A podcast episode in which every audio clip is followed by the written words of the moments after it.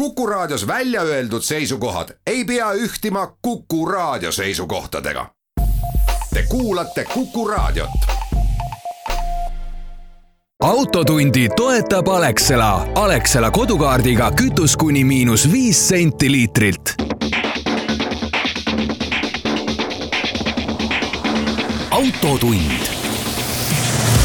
see on saade sulle, kui sul pole päris ükskõik, millise autoga sa sõidad tere kuulajad, Autotund on eetris, stuudios on täna Tarmo Tähepõld ja Sulev Ladva Geenius autoportaalist. räägime, mida oli näha Youngtimer Campil, räägime, miks peaks rohkem kiibreid kandma, räägime sellest, et Ott Tänak on läinud kardirahvale appi ja siis põgusalt veel Ford Broncost, Mercedes-Benzi peaaegu et vist kõige kiiremast autost ja ühest autost, mis on, tõenäoliselt tuleb nii kiire, et me ei kujuta seda ettegi. ja siis natukene Dacia Dusterist, millega saab sõita nüüd gaasimootoriga, sellega sõitsin mina ja Sulev käis sõitmas Renault Zoe elektriautoga. Et küsime, kuidas tema kui muidu sellise sportautomehe kogemus oli? Aga kuidas meie autonädal on läinud, Sulevil tema sõnul oli rahulik, mina tahtsin, mina tahtsin inimesi üles kutsuda auto sööbima. see ei ole nüüd, see ei ole mingi selline kampaania kuskil käimas, vaid ma lihtsalt ise taaskord avastasin esiteks matkamise võlud, Eesti matkarajad, võtke loodusega koos.ee kus iganes te asute, seal lähedal on kindlasti mõni matkarada, aga, aga inimesed tihti võib-olla pelgavad seda matkamise värki, sest äh, see on tüütu vastik ja siis sul peab olema telk ja siis kõik sajab vihma ja hästi halb on olla kogu mm -hmm. aeg ja ma siis äh, läksin ja katsetasin sellist tsiviliseeritud matkamist ja soovitan seda kõigile, see tähendab seda, et sul on äh, loodetavasti universaalkerega auto, enamik linnamaastureid kas sinu luukpäras käivad tagaistmed? käivad alla küll, aga siis see, see ist-, istmete seljatoe kalle on veits ebamugav muuseas. jaa äh,, ma pean ütlema, ma ööbisin Dacia Dusteris ja selles mõttes sai natuke vale auto, et ka sellel ei lähe päris tasaseks põrandaks mm, -hmm. aga mhm. kuna mul oli hea pehme madrats, siis äh, oli siiski väga hea seal magada ja tavaliselt on telgiga on seesama jama, et küll on sul seal mingi oks on seal telgi all või siis on mingi kallak, ühesõnaga või mingid juured. just, aga, aga see on, see on lihtsalt nii mõnus et sa pargid oma auto ära, otsid siis, äh, on äh, matkarajad, mis teevad ringi ja on matkarajad, mis jõuavad ühest punktist teise, siis tuleb sealt muidugi kuidagi tagasi saada oma auto juurde, aga sa võtad kaasa minimaalse, paned kotti seal vett, võib-olla natuke kuivi riideid, toit, oleneb kui pikal matkal lähed, teed ära ja siis jõuad tagasi, siis sul on, võtad teise komplekti riideid, paned selga, kui oled märjaks saanud, sul on autos sisuliselt ju peaaegu et noh, täismõõdus voodi mm. -hmm. sinul muidugi raskem, sinu pikkuse juures on leida, sa pead ikkagi väga suure autoga minema, mina, kui ma üksi olen, siis ka selles Dacia Dusteris äh, täiesti diagonaali pannes ma sain niimoodi, et ma sain ennast välja sirutada, ma ei pidanud kuidagi nagu ennast krõnksus hoidma seal. see on päris hea saavutus, ega Duster ei ole nagu väga suur auto. ei ole, ei ole lihtsalt, et, et see ongi selline üleskutse, tehke seda, sest et sisuliselt, äh, kui te olete ostnud omale juba selle suure linnamaasturi, siis kasutage selle kõiki võimalusi ja teil on lihtsalt ratastel hotell mm, -hmm. kuhu ei saja mitte midagi sisse. kui te lähete sügisel ja on külm, siis te saate vahepeal natuke sooja panna selle auto või vastupidi, teha aknaid lahti, kui on palav, et äh, noh, paljude jaoks ei ole see kindlasti mingi, mingi ilmutus siin praegult, aga paljud võib-olla ei ole selle peale tulnud mm -hmm. ja see on õudselt kihvt, sa saad panna kõik iseenda voodiriided ja sa ei pea jamama mingi magamiskotiga. ja see mulle meeldis. nii, millal sa viimati auto sööbisid? oh issand, ma arvan, et sul see... ennem ju oli universaalkerega auto? jaa, aga ma pole seal kordagi ööbinud kahjuks no näed, ikkagi on inimesi, ma mõtlesin, et see on nii loogiline, mida teha, et, et tehke seda rohkem. nii, aga teeme selle nüüd tõsise osa kõigepealt ära.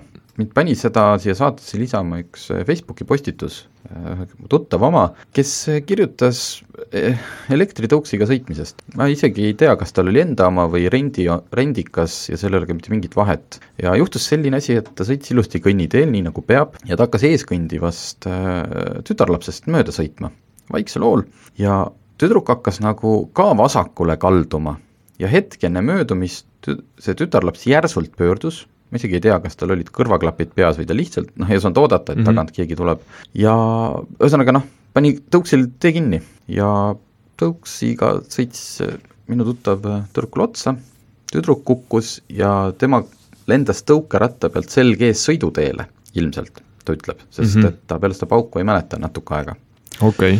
Äh, ja kõige nagu, kuidas antud juhul parem, aga, aga teistpidi müstilisem see, et temal oli kiiver peas. ilmselt oli siis ikkagi see tema enda tõuke, see elektritõuks, mitte rendikas. nii et ta kukkus kiivriga äh, sõiduteele, õnneks ühtegi autot ei tulnud. Jah. ja, ja kukkus niimoodi, et pani pildi tasku. Ja karm. kiiver on äh, pilt on ka sellest pandud, kiiver on puruks, läks äh, muidugi EMO-sse, tehti seal tomograafia, kõik, kõik katsed, asjad ja, ja selgus, et noh, ühtegi püsivat vigastust ei ole mm. -hmm. ilmselt väike põrutus. ja tal ei ole, tal ei ole selline mingi noh, tuunitud tõuks, millel on kõik piirangud maha võetud ja ta Jaa, jaa. üritas sellest tütarlapsest mingi viie küpsiga mööda minna, et see oli tavaline selline, nagu me iga päev seda olukorda näeme. ja ma usun, et see kiiver ei ole ka mingi Prismast ostetud kümne Jaa. eurone. just, see tähendab seda, et kui ta noh, ilmselgelt ta maandus täiesti pea peale ja kui tal ei oleks kiivrit olnud, siis ilmselt ta ei oleks seda postitust ka hiljem kirjutanud. Mm -hmm. ja nüüd ongi nagu, et ta noh, seal postituse mõte ei olnud üldse see, et äh, seda tütarlast kuidagi süüdistada, et kuulge, et äh, vaadake nüüd ikka üle õla Jaa, ka enne, kui te mingeid, vaid, vaid seda, et mina isiklikult ei näe muidugi, et kogu see renditõuksi puhul, et inimesed hakkaksid omal näpu otsas kiivreid kandma. Võib-olla paari aasta pärast äh, leiutatakse need mingid selline kaela või pearihm, et paned ümber ja siis, kui kukud, siis ta täitub nagu õhkpadi. eks mingid sellised leiutised, kuniks neid ei ole, siis neid ei ole. aga kui teil on enda elektritõuks, sest ju hiljuti Tartus üks äh, meesterahvas lausa hukkus mm -hmm. kukkus vastu autoratast lihtsalt, samamoodi, et ta ei jäänud kuskile alla või niimoodi, vaid ta lihtsalt kukkus peaga vastu autoratast. et äh, lihtsalt, et kui kogu aeg tundub, ega ma ise ka sõidan nende elektritõuksidega, rendikatega ja mul ei ole kiivrit peas. No ja ma olen ise, just, ja ma olen ise sama enesekindel, et ma ju noh, mis siin ikka juhtuda saab, aga näed, saab, et eks ma nüüd noh, üks üleskutse on siis see, et vaadake ja kui vähegi võimalik, võtta kiiver kaasa ja teine on siis see, et noh, ärge mööduge inimestes eeldusel, et nad käituvad loogiliselt mm. -hmm. eriti lastest noh, see on, see on kõige õudsem, on see, et kui sa näed, mina ei ole elektritõukside ja nende rindtõukside vastu, mulle need meeldivad, need annavad linna liikumises uue mõõtme ja, ja see, et noh, must aeg-ajalt võib-olla liiga kiiresti mööda minnakse, ei ole tore, aga, aga need tõuksi sõitjad ise peaksid sellele mõtlema. et kui sa noh, et inimene ei käitu loogiliselt, eriti, sest me kõik käime ju kõrvaklapid peas. jah, tänapäeval küll ja, ja nagu, ja nagu ka muidu liikluses, see on see möödamineja probleem ja, ja mure, et teha kindlaks, et kõik Just. on nagu turvaline. just, et eh, noh, sa ei pea kahekümnega mööda sõitma, sa ei pea ka kümnega, et lase siis täitsa viie peale, nagu, nagu Mhm. tegelikult seadus ju tänapäeval juba ütleb. Jalakäija kiirusega, juhul kui seal kõnniteel on jalakäijaid. ja siis on see sisuliselt tavaline komistamine juba no, ja siis sa tõenäoliselt ei kuku ennast surnuks. lihtsalt, et see on niisugune meeldetuletus, et sa alati tead, et kuskil mingid asjad juhtuvad ja siis sa loed oma Facebooki postitusi, kus juhtub sinu enda tuttavaga ja juhtub noh, õnnelik õnnetus, aga ikkagi selline pauk, et täitsa vaatad seda katkist kiivrit ja mõtled, et nagu oleks tõesti rekkaga pihta sõidetud või. vot nii, natuke tõsine jutt, aga, aga väga oluline kõigil meeles pidada. ja selle saateosa lõppu veel räägime, et Ott Tänak, kes on ju teadupärast rallisportlane, WRC, on tulnud appi sellisele sarjale nagu Talendid rajale. kas sina tead, mis sari see on?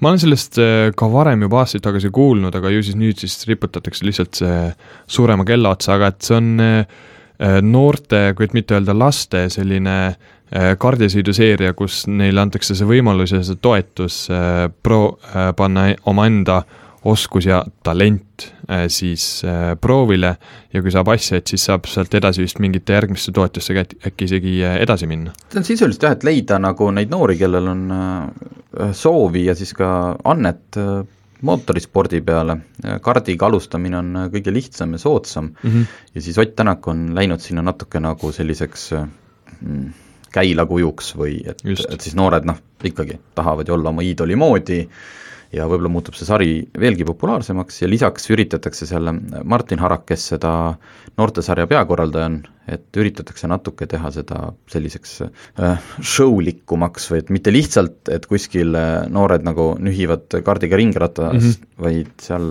tuuakse kohale ka ralliautosid, vormeleid, driftisõidukeid, et teha natuke sellest suurem sündmus. Et saad nagu asju näha ka just, nii et äh, kui nüüd teate, näete kuskil talendid rajale või tekkis huvi, teie enda laps tahaks õudselt äh, natukene kiiresti sõita, siis äh, guugeldage, otsige üles talendid rajale ja äkki saab, kasvab sealt meile uusi mootorisportlasi. teeme siia väikse pausi ja siis oleme tagasi.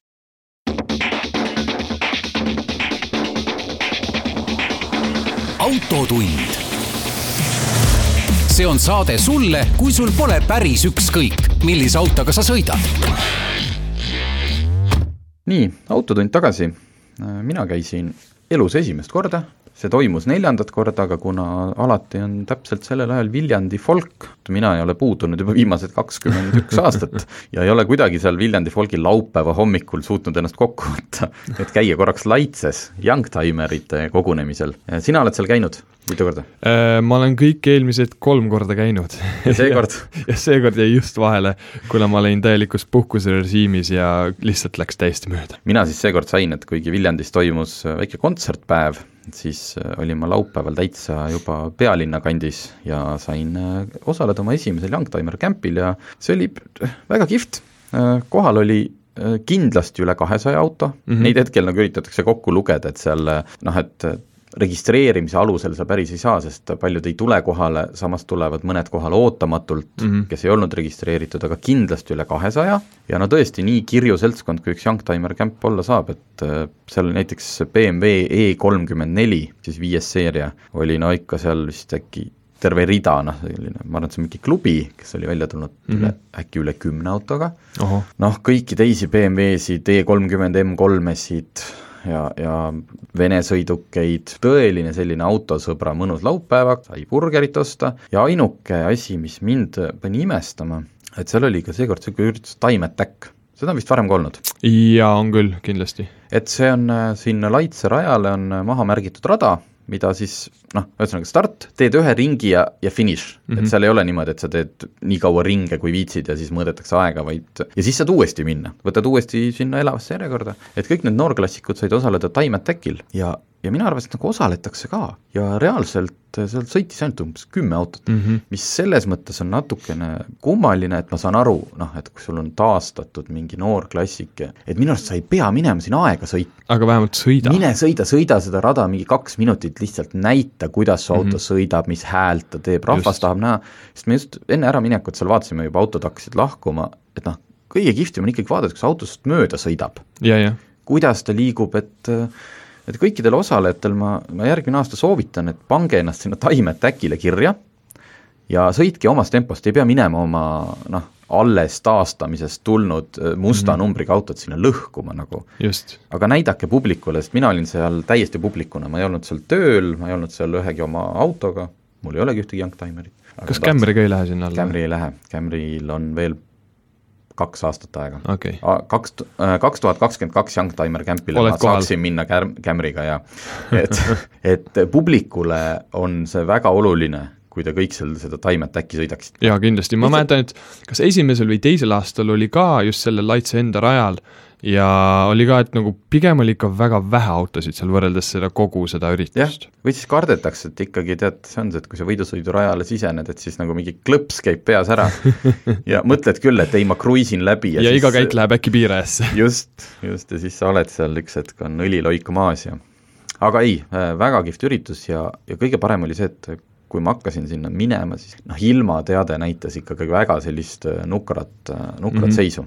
et tundus, et noh, ma lähen lihtsalt käin sellepärast, et ma taht-, olin lubanud tulla, aga tegelikult peaaegu terve aja paistis päike ja oli väga mõnus. räägi äh, Mercedes AMG GT Black Series. just. mis asi see on?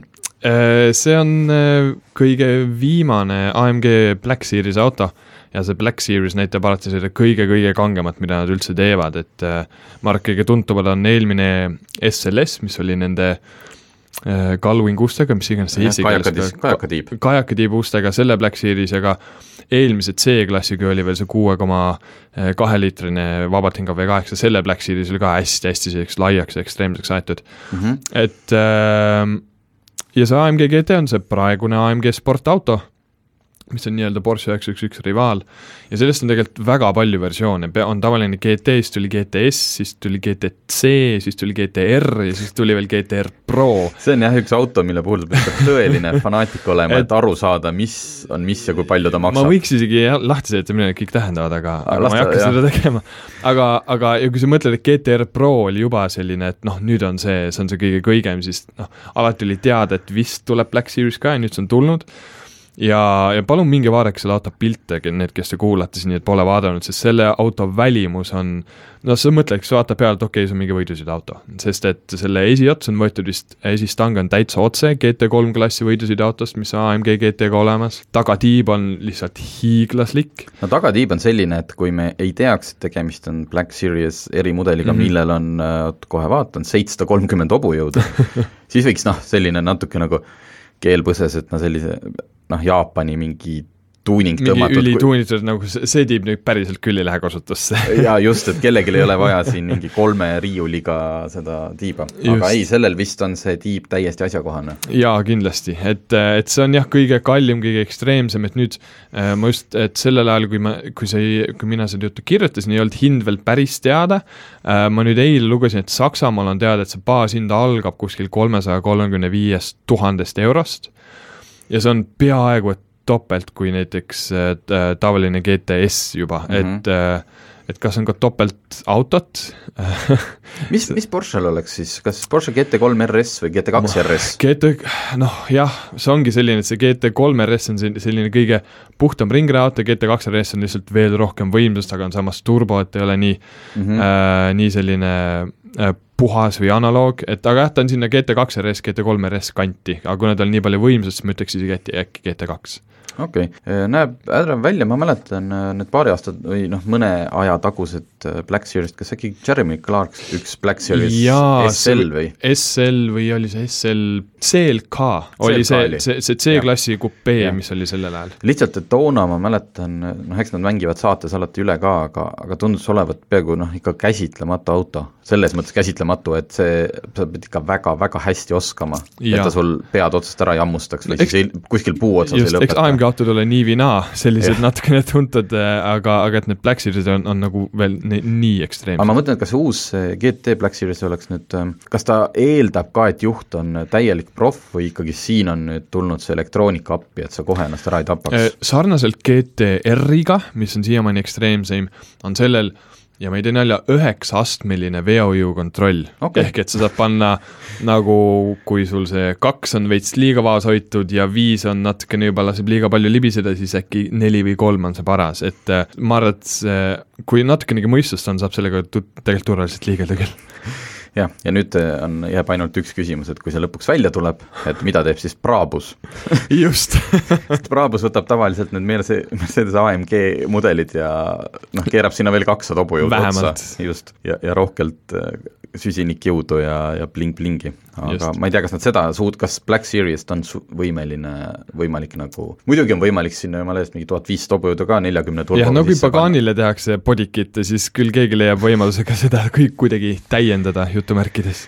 just, ja veel selle saatuse lõppu üks üks eelmise nädala uudis, kui me rääkisime sellest, et Ford Bronco on lõpuks äh, välja tulnud ja juba, juba võetakse tellimusi vastu, mäletagi, millal neid kätte hakkab saama, siis nüüd, ja ma, eks ju, mitte keegi teine peale minu, noh, või siis umbes veel tuhat autoajakirjanikku, ennustas, et sellest saab hitt, ja, ja juba on nagu esimesed uudised näitavad, et saabki, sest et nagu igast autost tänapäeval tehakse first edition mm, -hmm. Näiteks ka Tesla Roadsterit saad sa, see Founders Series. Sest sa tahad olla ju esimene. Ford äh, Broncol on äh, kolm tuhat viissada first editioni sõidukit tegi, nagu sai tellida, mis kohe välja müüdi. Noh, põhimõtteliselt ühe õhtuga. Ja siis äh, pandi veel kolm tuhat viissada first edition'it, aga Ford oli nii viisakas, et ütles, et ta saab aru, kui nüüd mõni loob ja nad ilusti maksavad kõik need ettemaksud tagasi, et kuna see ei ole nii limiteeritud just, enam. et kui keegi mm -hmm. tellis ainult sellepärast, et see on nii limiteeritud, siis et nad, Ford vabandas, aga et noh, nad võivad siis ilusti raha tagasi maksta, mingit probleemi ei mm -hmm. ole. Mhm. ja loomulikult müüdi ka see teine kolm tuhat viissada kohe välja. teise õhtuga. just et ja kusjuures need first edition autod ei ole ju sellised odavad, et kui Bronco hind hakkas äkki vist kolmekümne tuhandest dollarist. umbes nii, need first edition'id reeglina on niisugune hästi palju varustusega ja, ja, ja tippvarustus ja nii edasi. et sa tegelikult ei maksa selle eest, et sa esimesena saad, vaid sinna on lihtsalt pandud sulle kogu varustus juba peale. odavamad first edition'id algavad põhimõtteliselt poole kallimad, kuuskümmend tuhat mm -hmm. dollarit. aga sellised robustsed äh, neljaveolised, neljaveolised tulevad tagasi, uus Defender, äh, Wrangleri pickup ja Wrangler on väga populaarne, nii et äh, inimestele meeldib see. ja mulle meeldib ka. vot, teeme väikse pausi ja siis räägime edasi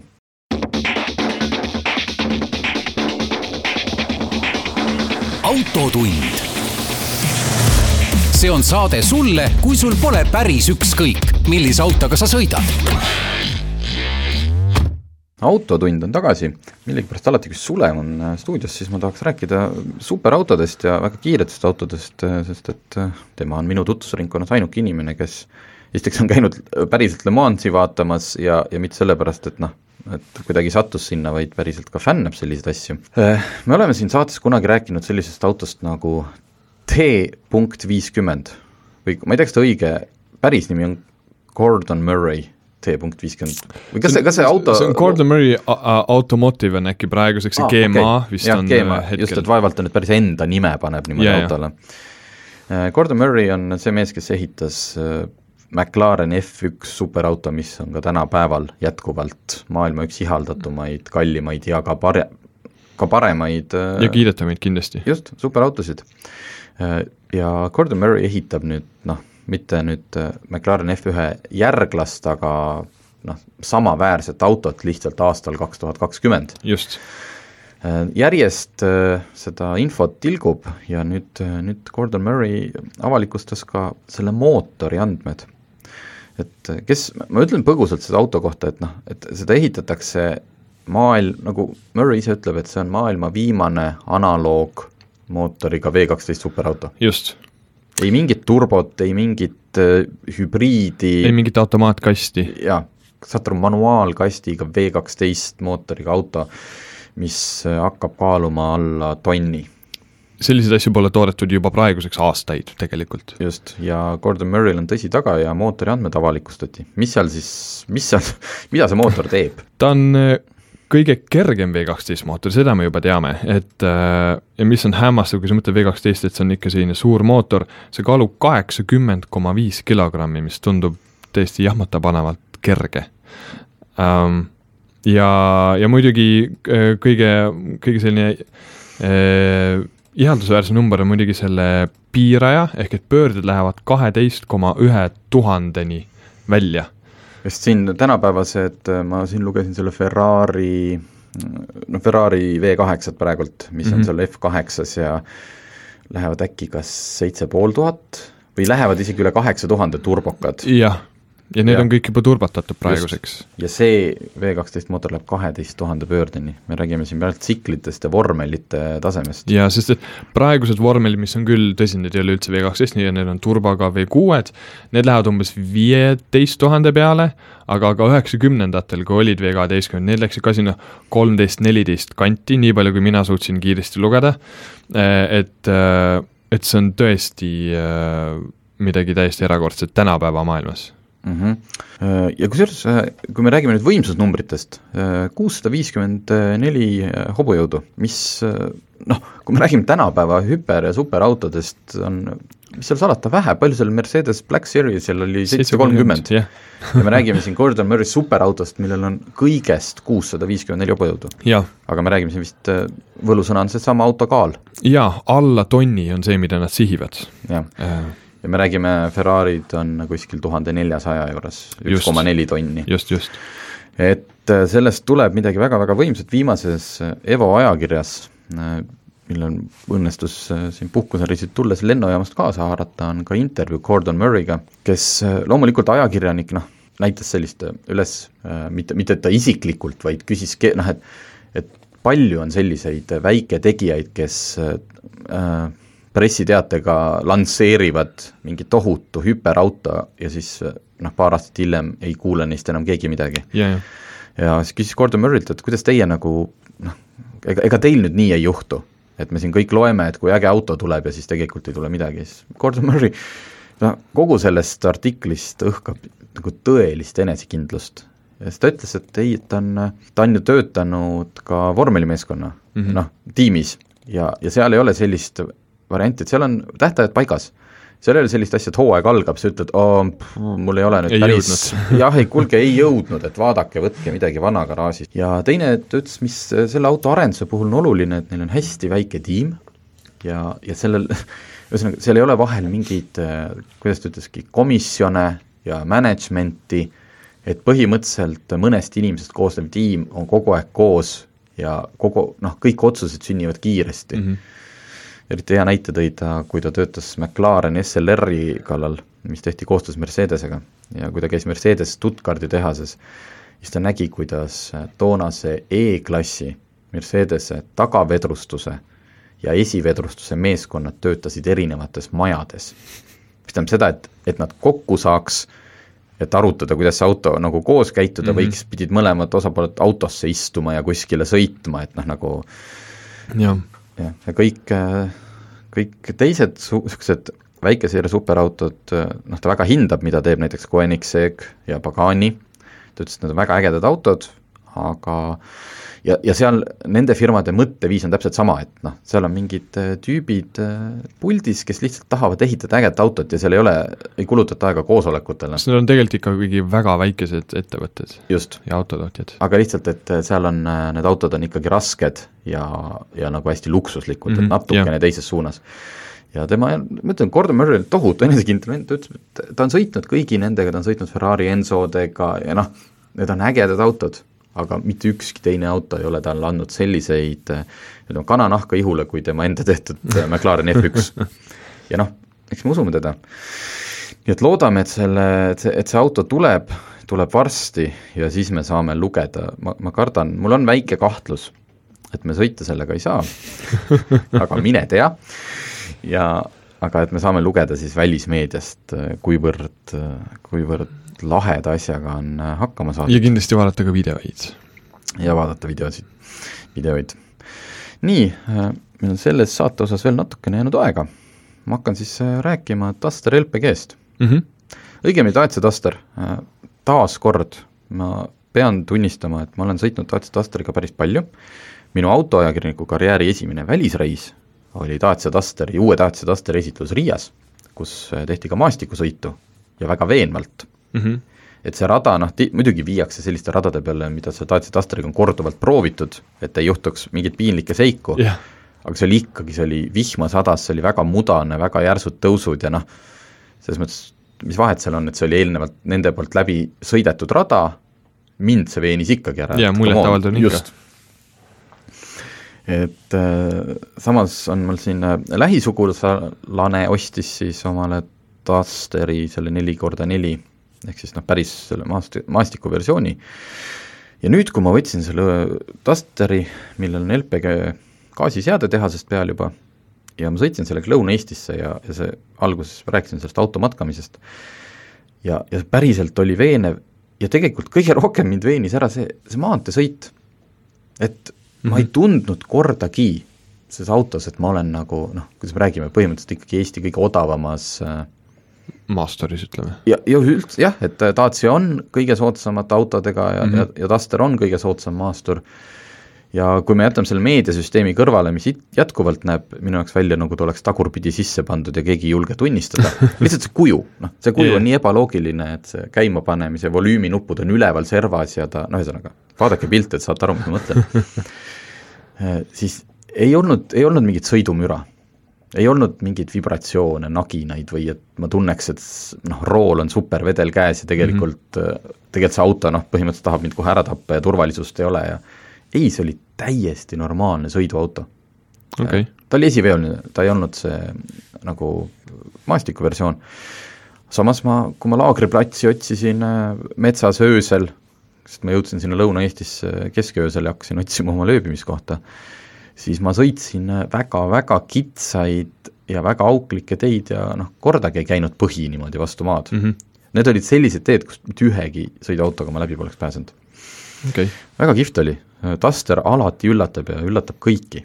kas seda LPG seadmega neljaveolist ei saa üldse või, või lihtsalt antud mudel ei olnud? antud mudel ei olnud, aga ma ei tea okay. sest et äh, lõppkokkuvõttes tavaliselt tagant... neli korda neli on ju, tavaliselt on diisliga olnud. just et äh, aga LPG seade töötab koos bensiinimootoriga mm. -hmm noh, teoorias, kui sa saad bensiinimootoriga ka lihtsalt neljaveolise, sa saad tagantjärgi selle gaasiseadmega alati paigaldada kuidagi. et äh, kui ma küsisin siin ühes saates Dacia esindaja käest, et kui mul on juba Duster, kas ma saan gaasiseadme panna, siis ta vist ütles, et nagu, nagu nemad ei, ei pane või vähemalt tema vastus oli selline, et aga me ostame hea meelega sinu selle vana tagasi ja paneme siis aga sõitsin ära, ma mõõtsin, noh tagasi jõudes ma ei mõõtnud enam, kui palju mul kulus, aga sinna sõites äh, kõiki nende laagriplatside otsimisega, ehk siis maantee pluss siis metsas müttamine päris pikalt. kolmsada kuuskümmend kolm kilomeetrit sõitsin ja maksin selle eest kaheksateist eurot gaasi. Pole väga hull. Pole väga hull, see tuli vist, kui ma arvutasin õigesti, neli koma üheksa eurot saja kilomeetri kohta mm. -hmm. Tavaliselt need reklaamid nende gaasiautode kohta ütlevad, et niisugune kolm eurot saja kohta, aga see on siis puhas maanteesõit. vot, aga teeme siis ühe pausi ja siis äh, räägime edasi.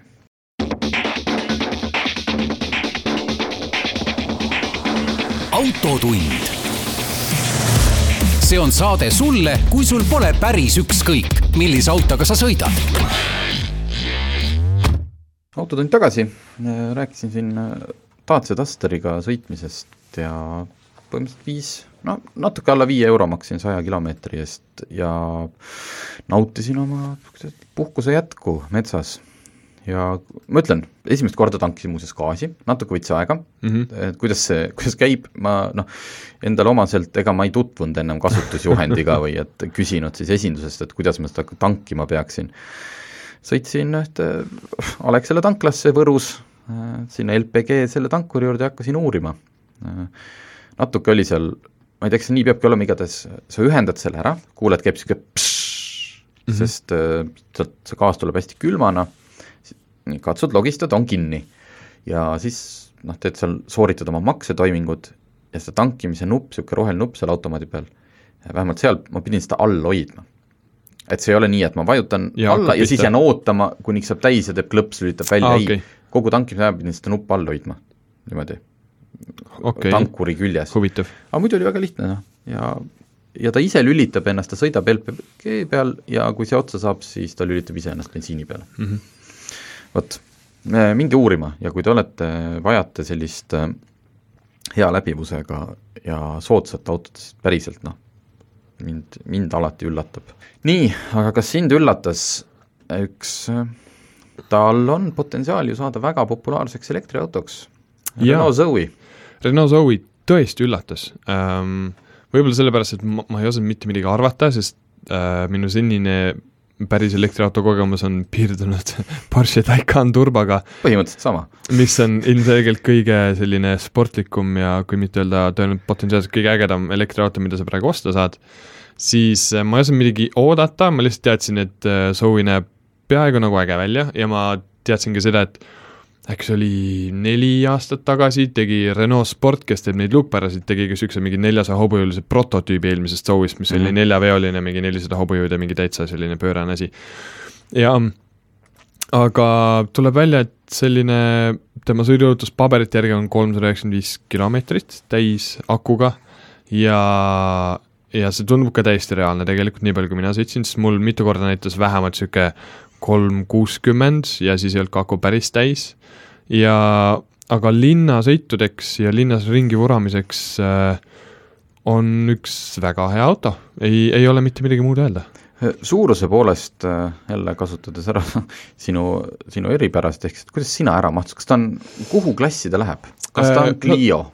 Äh, jah, ta on pigem selline Clio, et see Volkswagen Up näiteks, see e-up, mis on elektriline, see on kindlasti mul on tunne, et see on pisut väiksem, et, et ta on nagu grammi võrra suurem, äh, et ta on siis näiteks, äh, näiteks Clio või Fiesta või Volkswagen Polo, midagi sinnakanti. et ma taha äh, ei mahtunud kõige paremini ära, aga mm -hmm. oli okei okay, äh,, aga, aga, aga eesistumine oli, oli, oli täitsa mugav. probleem oli küll selles, et esiistmed olid üsna kõrgel neid ei saanud kuidagi madalamaks äh, mm. lasta, sest et akud on sul kõik äh, auto põhjas, mis okay. võtavad seda ruumi. et, et siis on niisugune nagu pingi peal istumise tunne, ma tean, et sulle kindlasti meeldib kõrgel istuda, aga, aga mu-, mulle välja meeldib... on ju vaja näha, kuidas te sõidate niimoodi, et ei näe välja autos. sest et kui, kui see auto tundub nagu tavaline väike auto, siis kui näiteks äh, valgusfoori taga seisad mingi sellise väiksema linnamaasturi kõrval, siis ma põhimõtteliselt istusin peaaegu sama kõrgel kui tema. okei okay kui ma vaatan konkurent, näiteks Peugeot kakssada kaheksa näitab, et neil on ametlik see sõiduulatus VLTP järgi kolmsada nelikümmend kilomeetrit mm, -hmm. siis Zoe saab siit praegult umbes viiekümne kilomeetrise eelise. Äh, saab natukene eelist jaa, kuigi see tehnika peaks neil olema peaaegu et identne, sest nad on ju äh, ei ole. ei ole päris mm -hmm. identne? et selles okay. mõttes, et jaa, et ma tean, mida sa mõtled, et Peugeot gruppi kuuluvad Citroen ja Opel okei okay,, siis neil on, ne, maailma. nemad jagavad tehnoloogiat ja, ja. ja Renault siis on äh, ma lihtsalt panin praegu prantslased tuimalt ühte patta just, küllap nad kõik ühest, ühest riiulist neid asju võtavad. aga nii, äh, sina istud ees, keegi taha põhimõtteliselt äh, mahub ka inimesi äh,. lapsed kas... kindlasti Aga..., ilma probleemideta. aga pagasiruumi ka jääb siis veel äh,? pagasiruumi enam-vähem jääb sest niimoodi sa pead seda natukene tobedat kaablit kaasas kandma, sest ah, need, need tavalised, need kahekümne 20 kahekilovatised laadijad, nendel on see, et sa pead, et see otsik mahuks, mis Soul on, siis sa pead kaabli panema ise sinna kappi, siis mm -hmm. sinna yeah,. Yeah. et suisa on okei okay,, aga noh, mingi lume ja lörtsiga ma ei taha seda kaablit sisse-välja tassida kogu aeg, aga mm -hmm. nii see on äh, linnaauto, saan aru, aga sõitsid maanteel? sõitsin maanteel, Peterburi maanteel äh, äh, sada kümme kenasti, muidugi tuule ja teemüra oli see, mida sa, ainuke asi, mida sa kuulsid elektriautona mm, -hmm. aga sai täitsa hästi hakkama muidugi aku hakkab äh, kindlasti maanteel kindlasti kiiremini, kiiremini tühjenema ja nii mhm. edasi, aga oli hea. Äh, tehnoloogiliselt selles mõttes, kas äh, noh, näiteks kui vaadata sedasama, sa ütlesid Volkswagen Up, et mis algab hinnakirja järgi vist lausa oli üheksateist tuhat üheksasada, aga mm -hmm. siis sa saad seal, kui sa, kui sa vaatad seda autot seest, siis noh, kõige suurem ekraan, mis sa sinna Volkswagen appi saad, on su iseenda telefon. Põhimõtteliselt. et no võrdlemisi askeetlik, noh mis linnaauto puhul on iseenesest ju okei okay,, et sul ongi seda vaja ainult liikumiseks, aga kuidas Zoe'l oli, et kas ta on äh, päris auto moodi? Uh,? On küll jaa, et uh, seal oli, kõik oli elektrooniline, see näidikute plokk oli digitaalne, siis korralik ekraan oli. Ja ma küll testisin ainult Android autot korra, aga ma eeldan, et kõik need CarPlay'd ja asjad, nagu tänapäeval on, on kõik olemas navigatsiooni asjad kõik toimisid ka üsna nobedalt ja kiiresti, et elektroonika oli täiesti, täiesti tänapäevane ehm, ja ja, ja äh, kohustuslik äh, elektriautodel on see, et see just mingist kiirusest nad peavad mingit heli tegema, kui sa mm -hmm. vaikselt mhm. sõidad, et kuskil niisugune kuni kahekümne seitsme, kahekümne kaheksa kilomeetri tunnis tegi siis ka mõnus sellist natukene sci-fi sellist undamist, mis oli päris lahe. Kas tead sa, oli see proovisid auto hind ka seal kuskil kirjas? jaa, ma täpselt ei mäleta, kolmkümmend kuus tuhat ja siis natukene midagi peale, et väikeauto kohta ilmselgelt kallis auto. jah, sest et kui ma vaatan hinnakirjad, siis praegult jah, et kolmkümmend kolmkümmend neli tuhat viissada on see, mis on nagu kõige kõr-, kõrgem versioon, järelikult tal oli siis veel midagi veel sinna lisad. üks lisa, mida ma ka markisin arvustuses, on tuhat eurot on see, et sa saad selle kiirlaadimisfunktsiooni, et sa saad nendest viiekümne kilovatistest kappidest ka laadida mm. -hmm. see on põhimõtteliselt ikkagi kohustuslik, sest see on niisugune, et äh, laed pool tundi ja sul on mingi kaheksakümmend protsenti akut mm -hmm. täis ja tehtud. Kas sellel oli peal? oli küll ja ma okay. sain ka korra proovida, no Blessneris on üks selline kiirlaadija ja tegin sellise hilise pärastlõunase varase õhtusöögi ja kolmveerand tundi ja see aku ja kolmekümne pealt oli täiesti täislaadi nagu niuhti mm. -hmm. et jah, et Zoe hinnad hakkavad kolmekümne ühest tuhandest, kui me rääkisime siin konkurentist, Peugeot kakssada kaheksa hakkab kolmekümne, täpselt kolmekümne tuhande pealt kõige ja. tavalisem ja samamoodi kolmkümmend neli tuhat viissada on see kõige kõrgem versioon. Et noh, otsesed konkurendid ja hinnad täpselt samad jaa, et kui võtta lihtsalt nagu väikeautot, on ta kallis, aga jah, sellist sarnaste elektriautodega on ta enam-vähem sama puu peal. tahtsin sinuga põgusalt lõppu veel rääkida, et alati kui või no meil on sinuga kuidagi sattunud niimoodi, et meil see laadimine ei kipu alati esimesel mm -hmm. korral õnnestuma, kui me räägime nendest avalikest laadijatest, kus tuleb tõmmata äpp ja siis sa pead sellega registreerima ja siis sa pead leidma selle laadija. kas sul juhtus jälle? Jaa, ma loo-, ma lootsin, et ma Porsche Taycaniga tegin selle kadalipu läbi, aga juhtus jälle, et et sul oli äpp, kõik oli alles, kõik nagu jaa, noh, tegelikult see äpp, millega ma laadisin Taycaniga, see oli mul alles, ma lihtsalt panin uuesti laadima, see toimis okeilt, aga mm -hmm. kuna ma läksin teise teenusepakkuja juurde, mis on see Eesti Energia baasil see Volt. jah, Enefit Volt. just, siis sealt läks jälle natukene nihu, et, et esimene kord ma panin laadima, kõik näitas, et laeb, äpis näitab, et laeb Äh, see oli Pirita Selverus, ma läksin koju, ma elan Pirital, ja siis äh, kodus nä-, vaatasin ka, et oh, kaheksateist minutit juba la-, laadinud, ma pidin natuke tööd tegema, mõtlesin, et lähen paari tunni pärast tagasi. ja mingi hetke pärast äpp näitab, et ei lae ja see laadija, kus ma olin, et see on täiesti vaba ja siis ma ütlesin, et okei okay, ja, ja aga noh, ma hakkan kohe minema, oli kolm-neli tundi möödas, läksin tagasi ja kuskil kaks kilomeetrit oli sõiduulatust juurde tulnud, et isegi selle kuueteist minutiga oleks pidanud ka rohkem tulema, et mingi error seal oli mm. -hmm. ja siis teine kord oli samuti kahjuks Woldiga, ähm, Vabaduse väljaku all olevas parklas on ka, ja see oli kiirlaadija, ma mõtlesin, et ma proovin siis seda, ja näitas, et on vaba, äpis panin, et ma olen ühendunud ja panen tööle ja siis äkitselt näitas äpis, et nüüd see pistik on hõivatud ja ma ei saa mitte midagi teha. Ja ma helistasin äh, kliendi toel, noh, me saame siin reset'i teha ja nii, aga, aga nad ei saanud seda pistikut, ma panin selle uuesti kapi külge tagasi, seal kapp näitas, et kõik on vaba, aga äpp ikkagi näitas, et see pistik, mida ma tahan kasutada, on hõivatud ja ma ei saa midagi laadida no vot, et see on need, need nii-öelda laste haigused, mis tuleb äh, siin ruttu välja rebida. aga see on sest... infrastruktuuri viga. just, mitte auto viga. jah, et äh, selle, see, see olgu siin lõppu ära öeldud ja, ja loodame, et noh, kuna need nii-öelda avalike laadijapunktide ehitamine nüüd on alles käima läinud mm, -hmm. et äh, kõik teevad oma äppe, kõik teevad oma riist- ja tarkvara, et siis tegelikult ei ole väga hullu ka, kui see alguses natukene tõrgub, loodame, et iga selline juhtum äh, aga mul oli ka Woldiga lõppkokkuvõttes, mul oli häid kogemusi ka, et ta sai laadima, kõik oli okei okay. ja, ja see, ma ei mäleta, mis see teine, see mida ma Eleport, Eleport, sellega ja. töötas, kui ta, Taikaniga ma tegin selle protseduuri läbi, edaspidi oli äh, väga kena. Just, et äh, õpime siis oma vigadest ja ja selline see saade seekord sai. Äh, kuhu, kohtume juba järgmine nädal